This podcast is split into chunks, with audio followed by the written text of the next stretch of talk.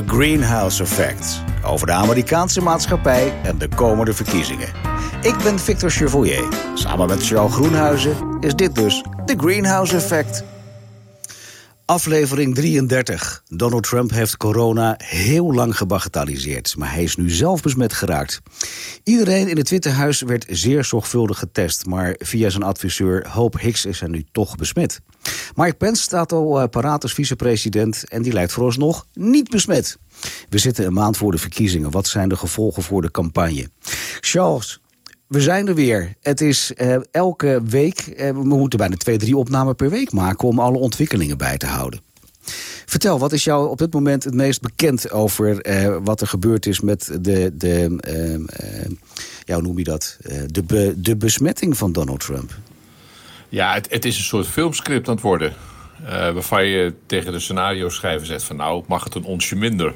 Ja. maar ja, facts beat fiction. Als je dit scenario geschreven had een jaar geleden... dan had je gedacht, ja, joh, gooi in de nou, prullenbak, dat wordt hem niet. Maar het, nou ja, of, of uh, zullen, we het, zullen we het in de afdeling science fiction zetten? Ja, precies. Uh, nou ja, kijk, wat er nu aan de hand is, eh, heel schematisch... wat de bedoeling had om een absolute victoriebijeenkomst te zijn voor Trump en de zijnen... namelijk de nominatie van mevrouw Amy Barrett voor het Supreme Court... waardoor het Supreme Court overwegend conservatief-republikeins zou worden. Nou, dat verhaal kennen we, hebben we ook behandeld. Ja. Uh, die bijeenkomst uh, in, in de tuin van het Witte Huis, de Rose Garden aan de zuidkant van het Witte Huis, had een uh, jubelbijeenkomst moeten worden voor zeg maar, die conservatieve beweging. Daar zaten ook allemaal van conservatieve types vrolijk in de tuin. En dat lijkt nu om te slaan door toedoen van de Republikeinen en door toedoen van de president zelf in het begin van wat we weten het niet precies, maar wat toch wel een rampje zou kunnen worden voor de Republikeinen en voor de Trump-familie. Hoewel we daar ook wel weer voorbehoud moeten maken. Maar daar lijkt uh, die besmettingshaard gezeten te hebben. Of dat Hope Hicks is geweest, dat weten we niet zeker. Dat was wel de oh. eerste die bekend werd. Ja, dat weten wij niet precies. Die track and oh, tracing is nog niet precies gedaan. In ieder geval zit zij in dat kringetje van besmette mensen. Ze zat ook vooraan uh, bij die bijeenkomst, net als een paar senatoren uh, en, en, de voorzitter van de campagne van Trump, en Melania Trump uiteraard. Maar er zijn ook wel bijeenkomsten rond die uh, ceremonie geweest in het Witte Huis. Dus dan misschien dat daar de besmetting heeft plaatsgehad. Nou, dat zullen we misschien later nog wel eens precies horen.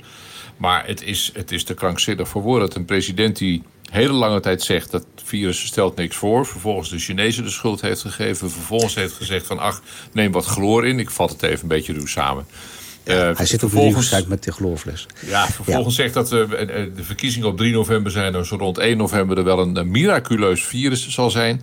Ja, deze president is nu zelf het slachtoffer met zijn vrouw... en een aantal naaste medewerkers. En de dag is nog jong. We nemen dit op op zaterdagmiddag uh, zo tegen vieren. De dag is nog jong aan de oostkust van de Verenigde Staten. Dus wie weet wat ons in de loop van vandaag nog te wachten staat. Victor laat staan in de dagen hierna. Het is uh, over miraculeus gesproken. Het is een miraculeus verhaal aan het worden. het, het, is, uh, het is ontzettend grappig. Het is echt ook heel bijzonder allemaal. Uh, de twee senatoren die besmet zijn... die zitten ook in die senaatscommissie... die verantwoordelijk is voor de verhoren van Barrett. Die zouden beginnen op 12 oktober. Is dat in gevaar, denk je? Dat zou kunnen. Het is natuurlijk speculeren. Ze zijn voorlopig zijn ze dus positief bevonden. We weten ook uit alle statistieken dat lang niet, lang niet iedereen die besmet is uh, ook echt ziek wordt. Het ziet ernaar mhm. uit dat de president zelf, die heeft symptomen. Zijn vrouw vermoedelijk niet, want die is in het Witte Huis gebleven. Ligt niet in het ziekenhuis. Van die twee senatoren weten we dat op dit moment eenvoudig niet. Uh, het is in ieder geval niet gemeld dat ze symptomen hebben. Dat wil niet zeggen dat het niet het geval is, want alles wat hierover gezegd wordt... heeft natuurlijk onmiddellijk politieke betekenis. Maar je hebt absoluut gelijk. Het is terecht dat je zegt dat deze twee senatoren uh, in, in, die uh, Judiciary Committee van de Senaat zitten. Nou, even heel simpel tellen. De verhouding daarin is nu 53-47. Ze hebben 51 stemmen nodig voor een meerderheid. En als het de 50 zouden zijn, dan zou Mike Pence, de vicepresident, de doorslag kunnen geven voor de benoeming van die conservatieve rechter, rechter mevrouw Amy Barrett. Maar ja, Wat, gaat er de komende dagen gebeuren? Want het, het krioelde natuurlijk van de Republikeinse senatoren. Uh, die lopen sowieso lopen ze regelmatig in en uit bij de president. Dus is deze besmettingshaard. Uh, het, wat we nu zien, het begin van, van veel meer besmettingen... Daar in die kringen van het Witte Huis en de president, geen idee. Maar ja, dat heeft de potentie op zijn minst... Uh, om die hearings van mevrouw Baird op zijn minst uit te stellen. En de tijd is al zo krap. En is het al niet uitstel, dan uh, kan het ook qua datum over, de, over 3 november heen getild worden. Nou, na 3 november mm. weten we hoe die nieuwe Senaat eruit gaat zien in januari. En dan kan het, ik zeg het allemaal conditioneel, kan het voor de Republikeinen en voor Trump en voor mevrouw Barrett wel eens uh, heel krap worden qua tijd. En dus qua mogelijkheden om in deze termijn van de Senaat de zaak nog rond te breien. Nu uh, kwam mijn dochter gisteren met een hele leuke vraag... waarvan ik denk van ja, maar die vraag leeft ook wel een beetje. Donald Trump is 74 jaar oud, uh, heeft enigszins overgewicht... Uh, is conditioneel niet zo heel bijzonder... Hij is op dit moment in het ziekenhuis opgenomen. Het is niet onwaarschijnlijk dat hij wellicht ook aan de beademing komt. Sterker, als ik even mag speculeren... Het, het, het, het zou een mogelijkheid zijn dat hij daadwerkelijk komt te overlijden. Zeker. Wat voor scenario hebben we dan? Want dan krijg je natuurlijk eerst Mike Pence. Maar gaat de verkiezing dan door? Of wordt alles uitgesteld? Of hoe gaat eh, dat dan? Ja, de verkiezing gaat door. Uh, en het lukt ook niet meer om die stembiljetten te veranderen, want er wordt al volop gestemd. We hebben het hele gedoe over die poststemmen gehad, het is volop gaande. Er zijn al een paar miljoen stemmen zijn al uitgebracht. Dat, daar kun je niet meer mee terug. Dus in dat geval uh, wordt een uh, tussen overleden patiënt en overleden president of kandidaat, moet je zeggen, wordt dan tot president van Amerika gekozen voor een volgende termijn. Ja. Dan ontstaat een situatie waarbij de Republikeinse Partij waarschijnlijk een nieuwe president kan aanwijzen. En alsnog zeggen, nou ja, oké, het is Trump niet, dan komt er een ander. Dat is niet, begrijp ik, noodzakelijkerwijs Mike Pence. Oh. Uh, en dan uh, beveel ik in jouw belangstelling warm een mevrouw Nikki Haley aan. Let op, onthoud die naam. nogmaals, het is allemaal speculeren wat we doen, Victor. Maar het is te leuk, of te leuk. Het is niet leuk om over de dood van iemand te speculeren. Maar politiek is het interessant. Fascinerend. En uit, op zijn minst fascinerend.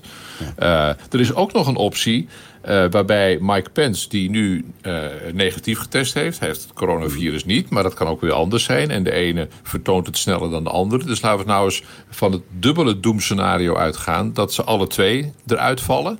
Ja. Uh, dat is niet uitgesloten. Boel, ja. Ik ben nergens meer verbaasd over. En dan wordt het helemaal maatloos interessant. Want dan in de formele opvolgingsvolgorde. Heb je mhm. enig idee wie dan, de wie dan president wordt ineens? Uh, Nancy? Nancy Pelosi. Crazy Pelosi. Nancy. Ja. Hoewel, dat zou wel een heel bijzonder scenario worden dan. Ja, Crazy Nancy, althans in, in de visie van de president. Uh, Hoewel, er zijn ook weer mensen die zeggen... nee, dat kan niet, want voordat het zover is... zal de minister van Justitie, uh, William Barr, zal ingrijpen... en zal dan Mike Pompeo, de huidige minister van Buitenlandse Zaken, Zaken. aanwijzen als president. Maar dan zit je that's getting a little murky, zoals de Amerikanen zeggen. Dan wordt het wel heel erg uh, moerasachtig qua juridische ondergrond.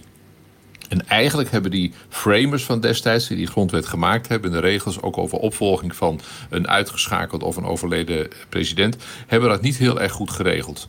En dan zou het zo kunnen zijn, we hebben al vaker gehad over mogelijk het Supreme Court wat moet gaan beslissen wie heeft nu eigenlijk gewonnen. Ja. Maar dan zou dus het Supreme Court in beeld kunnen komen, niet over de vraag wie heeft er gewonnen, maar wie heeft er nu recht op de plek van Donald Trump, die dan dus gekozen is als president wat hij helemaal niet meer kan, omdat hij dan of uitgeschakeld is of overleden. En Mike Pence bijvoorbeeld ook. Uh, en dan zullen ongetwijfeld de Democraten zeggen: Nou, nee, maar nu is het de beurt van Nancy Pelosi. En een van de eerste dingen die ze zou doen, is diezelfde William Barr ontslaan. Tenminste, als ik haar was, zou ik die echt onmiddellijk uh, met politiek pensioen sturen. En zeggen: Nou, ga er maar eens goed bidden over alle dingen die je gedaan hebt. Want dat doet William Barr nog alles. Ja, Um, maar dat betekent dus heel theoretisch, even voor een leek zoals ik... dat er dus straks een president gekozen gaat worden... die niet meer gekozen kan worden. Dat daar door de Republikeinse Partij een ander aangewezen wordt... waar we dan vier jaar aan vastzitten, theoretisch. Dat, dat, dat, zou kunnen. Als het, en dat, ik vermoed dat dat uh, dan wel de, de, de zegen nodig heeft van het Supreme Court... waarvan uh, we nu ook niet precies weten... is dat dan een Supreme Court met acht rechters... vier conservatieve en vier uh, progressieve. Ja. dat, dat, nee, nou vergis ik me. Het is nu 5-4. nee, het is nu al 5-3 uiteraard. Ik vergis me. Het zijn er nu vijf conservatieve en drie uh, progressieve... omdat uh, mevrouw Ruth Bader Ginsburg is uitgevallen. Maar we weten dus niet of, ja. we, of, we, of, we, dan intussen negen rechters hebben. En nee. het, het, is, het is al met al, en er wordt echt heel veel over geschreven... ook in hele verstandige kranten... En die zeggen, ja, voor een deel weten we het gewoon eigenlijk niet. Zoals die opvolging over Pelosi of Mike Pompeo. Ja, dat, daar lopen de schriftgeleerden qua mening nog altijd een. Maar het, is, het, is, het is te, langzamerhand te krankzinnig voor woorden natuurlijk ja, dat, nou ja, ja, dat is in ieder geval een heel bijzondere toestand. Maar het zou dus niet kunnen zijn dat je de verkiezingen uitstelt. Dus blijkbaar heilig daar dat je gewoon elke vier jaar verkiezingen hebt. Punt. Ja, er schijnt wel een mechanisme te zijn om dat uit te stellen. Maar dan moet het congres goed vinden. Dat zullen de democraten nooit goed vinden. Uh, die hebben de meerderheid in het Huis van Afgevaardigden. Wat ik daarover lees... En het is echt verrekte ingewikkeld. Wat ik erover lees is dat mensen zeggen: nee, uitstel. Daar is een optie voor. Maar daar zal, daar zal Nancy Pelosi dan als Speaker of the House en niet als president, uh, zou dat nooit goed vinden. Nee, nee oké. Okay. Um, hem eens om. Stel dat uh, Trump, want ik heb ook alweer ergens gelezen... dat hij zich op dit moment laat behandelen met wat experimentele medicijnen. Uh, vaccineren heeft geen zin meer, maar experimentele medicijnen... dat vind ik ook wel spannend dat hij dat überhaupt doet. Maar stel nu hè, dat we een heel ander scenario krijgen. Dat Trump inderdaad een paar dagen een beetje grieperig is... en hij volgende week weer volop in de schijnwerper staat... en het gaat geweldig met hem. Wat voor scenario krijgen we dan? Ja, kijk, dat is een scenario wat voor een deel ook wordt aangehangen door de complotdenkers. Die zeggen het is allemaal flauwekul. En hij is helemaal niet ziek, want het enige wat die we tot nu toe hebben... complottheorieën, die stonden ja, op mijn lijstje. Ja. Dat kan. Maar goed, eh, oké, dan gaan we zo meteen even. Die optie is er uiteraard. Eh, zoals een hoop mensen uiteindelijk van een besmetting genezen. Met verschillende gevolgen. De ene is heel lang moe en ziekig enzovoort van. Een ander knap. Ik, ik heb in mijn directe omgeving twee mannen pakweg van mijn leeftijd. Eén is al een half jaar moe en sloom en aangetast. En zijn broer niet. We hebben het alle twee gehad. Alle twee in Oostenrijk op vakantie geweest. Een totaal verschillend beeld. Ja. Uh, en dat, dat kan bij Trump al helemaal. Hij is 74 uh, en, en, niet een hele goede conditie. Maar het kan ook zo zijn inderdaad dat hij er uiteindelijk heel weinig last van heeft. En dan komt hij, ja, dan daalt hij als een soort heilige geest uit de republikeinse hemel neer. En dan is het natuurlijk ultieme victorie. en, en, en, en je krijgt dan eh, de lobby van Trump, die hij sowieso al natuurlijk tijdenlang voert, om niet goedgekeurde uh, medicijnen versneld goed te keuren. Want al die malle, democratisch geïnspireerde bureaucraten die zo zitten te trutten met al die medicijnen. Je ziet maar, ik, Donald Trump, misschien moet ik zeggen, wij, Donald Trump, zijn ervan genezen. En dus wil ik heel graag die medicijnen nu ook razendsnel naar het Amerikaanse volk hebben. En dan heeft hij, vanuit zijn gezichtspunt en vanuit het gezichtspunt van zijn aanhangers, heeft hij natuurlijk wel een punt. En, en dat is een buitengewoon interessant scenario. En ik denk dat heel veel republikeinen nu op hun blote knietjes uh, uh, naar de Allerhoogste opkijken en heftig bidden dat dit scenario waar wordt en jouw eerste scenario niet. Nee, nou, kijk. Ehm, we zijn alweer een beetje aan het kijken op internet wat er allemaal weer langskomt. En we zeiden het net al, de complottheorie zit er alweer in. Hè? De ene zegt dat hij uh, besmet is door de democraten hiermee... Om, om juist dit soort dingen te kunnen krijgen. Wat voor complottheorieën hoor jij nog meer hierover?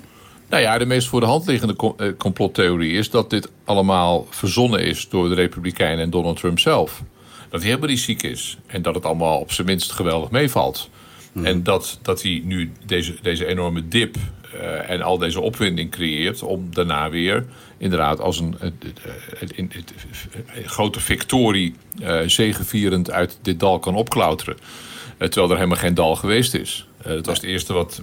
mijn dochter woont in San Francisco. Dat is nogal een liberaal nest, zoals je weet. En zij is ook bepaald geen vriend van Donald Trump, om het voorzichtig uit te drukken. Maar ze zei het eerste, pap, wat ik dacht toen ik het hoorde... het is allemaal verzonnen. Het is allemaal flauwekul. Het is alleen maar bedoeld om uiteindelijk...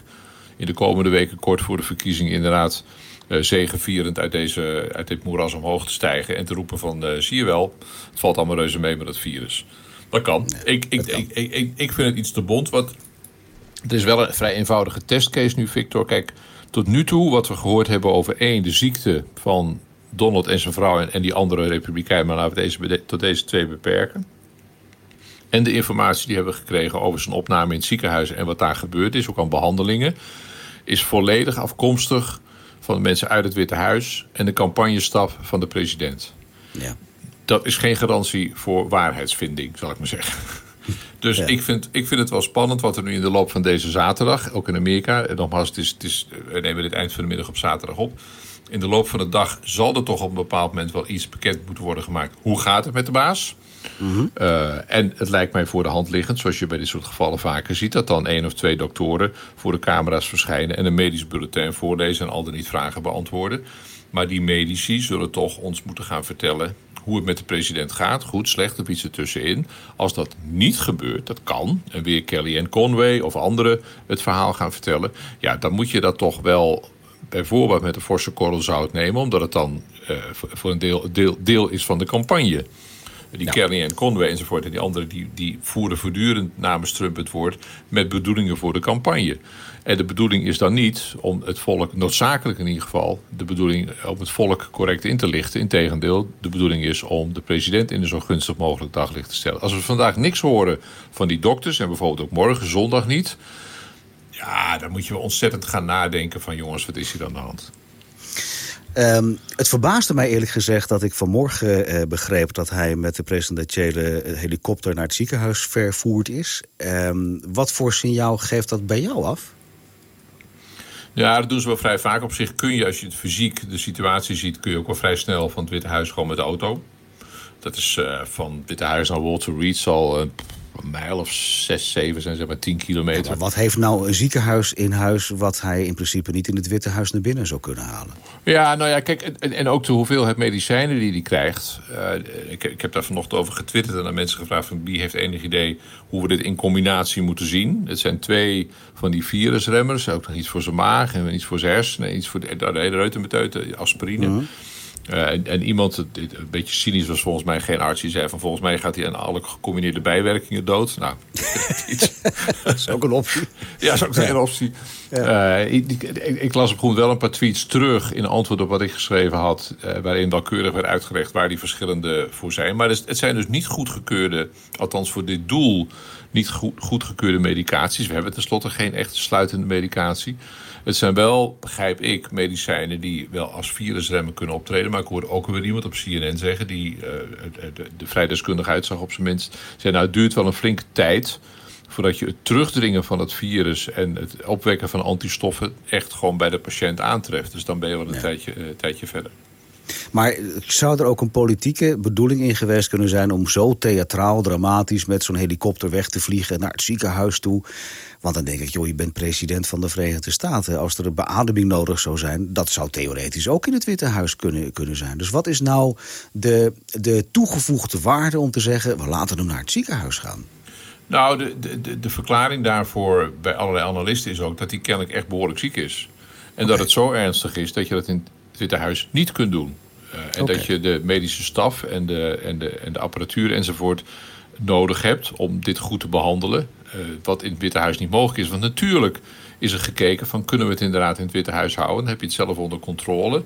Uh, het feit de president ligt in het ziekenhuis heeft gelijk ook gevolgen op de beurs. Gevolgen in de publieke ja. opinie. Iedereen begint zich ermee te bemoeien. Um, de, de, Zelfs bij... bij en bij Walter Reed staat het natuurlijk helemaal blauw van de satellietwagens van, van alle tv-stations. Dus ik denk, en dat kan een aanwijzing zijn, maar ik zeg het allemaal conditioneel omdat we gewoon zo weinig concreet weten. weten. Maar je moet afgaan op de signalen die je terecht zelf aanhaalt. Uh, het, het, mijn inschatting is dat het wel zo ernstig is dat ze hebben gezegd van dit kan niet in het Witte Huis, ook niet met het invliegen van hulptroepen en apparatuur enzovoort. Dit nee. moet in het ziekenhuis gebeuren en dat is volgens mij uh, als je gewoon logisch redeneert, zonder uh, veel, veel, medische kennis, is geen goed, goed uh, bericht voor de president en de Republikeinen. Um, nog een laatste vraag. Heb je enige signalen gehoord hoe de andere landen gereageerd hebben? Heeft Poetin iets gezegd? Heeft Macron iets gezegd? Of is iedereen alleen maar bezig met van harte beterschap? Ja, dat, dat vooral. Ik, het is ook niet heel erg kies. En de meeste staatshoofden enzovoort en politieke leiders houden zich meestal wel aan, aan, de, aan de wetten van een beetje politiek fatsoen. Dat je niet nu allerlei politieke dingen gaat roepen. Behalve inderdaad van ik hoop dat het goed gaat met de uh, president en de first lady. Mm. en dat hoor je ook aan alle kanten. Ook Joe Biden en ook Nancy Pelosi hebben hem gezegd. het allerbeste gewenst. Nancy Pelosi zegt er dan altijd bij. Ik bid elke dag voor de president. En dat heb ik vandaag ook weer gedaan. Dat vind ik wel schattig van hem. Uh, Zit er en, enig sarcasme in of lijkt het alleen Nee, dat, nee dat, dat, dat kun je erin lezen.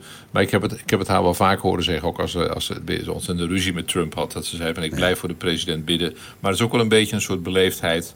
Want ik hoop dat de president het goede doet voor ons prachtige land. En uh, ja. nee, het, geloof ik niet dat dat cynisch bedoeld is. Oké. Okay. We gaan het weer beleven, hoop ik, eh, de komende tijd. Uh, wat de ontwikkelingen worden. Uh, dank je wel weer en graag tot de volgende aflevering. Toen, voor het vergeten, Joe Biden heeft hem ook beterschap gewenst. Hè? Dat is, vind ik ook wel... Ik... Ja, die zei dat, die zei dat. Ja, maar ja, ja, dat, nee, dat vind ik ook wel netjes. Vind ja, ook wel netjes. netjes. Ja, precies. Tot later. Gaan we de volgende aflevering verder over praten. Precies. Oké, okay, hoi. Hoi.